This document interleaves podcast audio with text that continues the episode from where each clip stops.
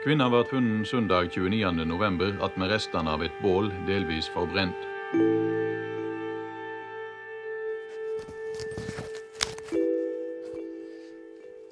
Gåtene i Isdalen er på vei inn i adventstiden. Nå er det julepynt her i, i redaksjonen, og det er kanskje naturlig å oppsummere litt nå før det blir en sånn uh, naturlig pause. Og undersøkelsen er også inne i en litt mer sånn langdryg fase. Og her har vi Ståle, Marit og Øyvind. Og, og før vi ser litt uh, tilbake på, på høsten, så, så, fortell om disse Det som er nytt siden sist, håndskriftundersøkelsene. Hva har dere gjort? Eh, vi har ikke gjort så mye, men Kripos har sendt eh, prøver av håndskriften til Isdalskvinnen ut til eh, mange søsterlaboratorier over hele Europa.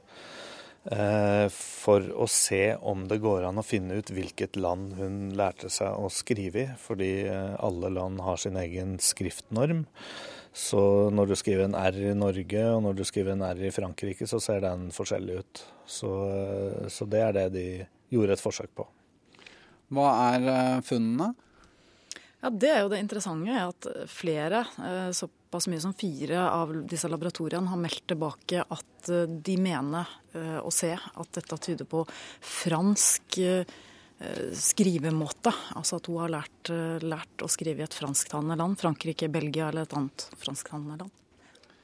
Vi vet jo at det har vært undersøkelser rundt DNA og tenner, og noe pågår, og noe er uh, foreløpig avslutta. Men er det noen flere geografiske uh, ledetråder så langt, eller er det for tidlig? Det er nok litt for tidlig å slå fast noe veldig tydelig. Vi er jo står midt i noen undersøkelser akkurat nå der de har fått ut noen resultater, men de har ikke fått tolka dem ennå, så de vet ikke helt hva det betyr. Enda. Og dette kan ta, ta, litt tid, og så nå dør det dabber det av litt uh, mot jul for, uh, for noen og enhver. Men hvis vi ser tilbake på hele høsten, så må jeg innrømme at jeg hadde aldri hørt om gåten i Isdalen eller Isdalskvinnen. Hadde, hadde dere det på forhånd? Eh, vi som er vokst opp på Østlandet eller i Nord-Norge, vi eh, kjenner nok ikke til den saken. Så jeg hadde ikke hørt om den før, før vi begynte å gjøre research på saken. Eh, på Vestlandet er det en helt annen sak. Der er det en stor og velkjent affære. Vi, vi, kan jo høre hva noen av uh, de litt mer høyrøsta bergenserne dere fant, uh, sier om uh, Isdalskvinnen, Dag Steinsfeldt, Kurt Oddekall, Helge Jordal og Ole Torp har sitt syn på mysteriet i Bergen.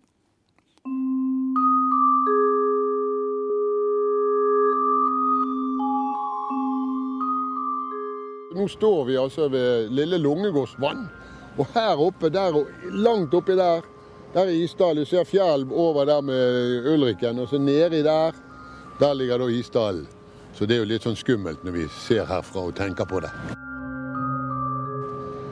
Men eh, også var det jo eh, ganske rått da, oppe i Isdal. Hva faen gjorde de oppe i Isdal? sant?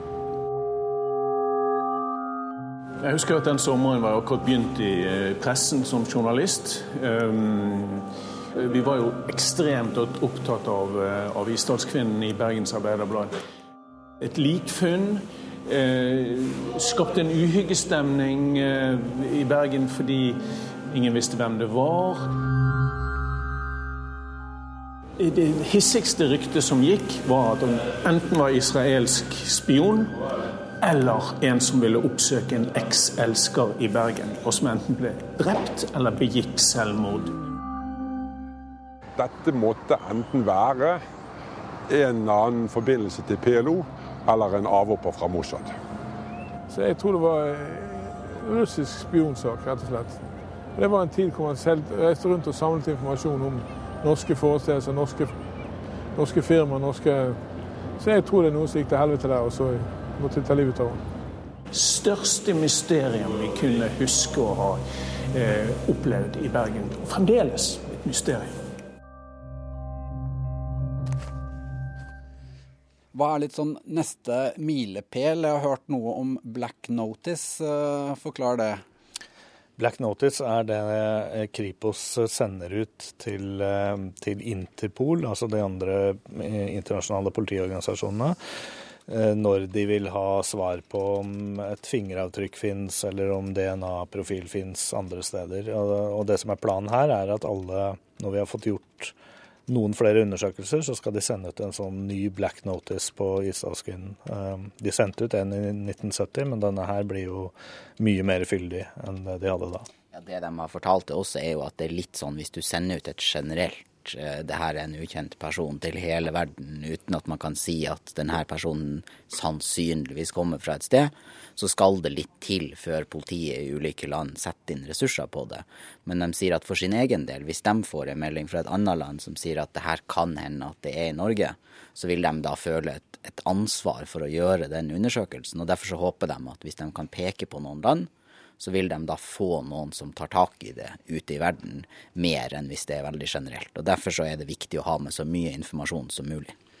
Så hvis vi ser på fortsettelsen av Gåten i Isdalen-prosjektet, en sesong to om man vil, til vinteren, så er liksom første milepæl er å få samla så god informasjon og få ut en sånn black notice. Og så er det å vente i spenning på om det blir noe respons fra et eller annet land. Ja, det blir, det blir, i hvert fall en veldig spennende januar og februar, tror jeg. Men det er jo eh, julekalendertid akkurat nå, og jeg har en liten, en liten overraskelse til dere. Da må dere bli med inn på, på redigeringsrommet her. Jeg bare eh, kom over eh, et band på Facebook som har tatt navnet The Eastall Cadaver. Som er et black metal-band i Houston, Texas. Og jeg tenkte at vi må ha en liten hilsen derfra. Well, hello, Norway. This is Parker from the Isdal Cadaver. Um, we've taken name from one of your unsolved uh, murder mysteries. A lot of bands that we listen to come from Norway, so we figured, you know, that that was a pretty cool case coming out of there. ja, det var veldig hyggelig. Og litt mer black metal fun fact. Han, han ble også klar over at gitaristen i Enslaved, et av de store black metal-banda, han heter Arve Isdal og kaller seg Ice Dale eh, som, eh, som, artist. Og vi må, en, eh, vi må jo høre litt eh, hva disse gutta får til også, så vi kan litt sånn eh, runde av mot juletider med denne her. And uh, we have a song, Ozymandias, that you might enjoy. Check us out online, Facebook, YouTube, Instagram, all that stuff.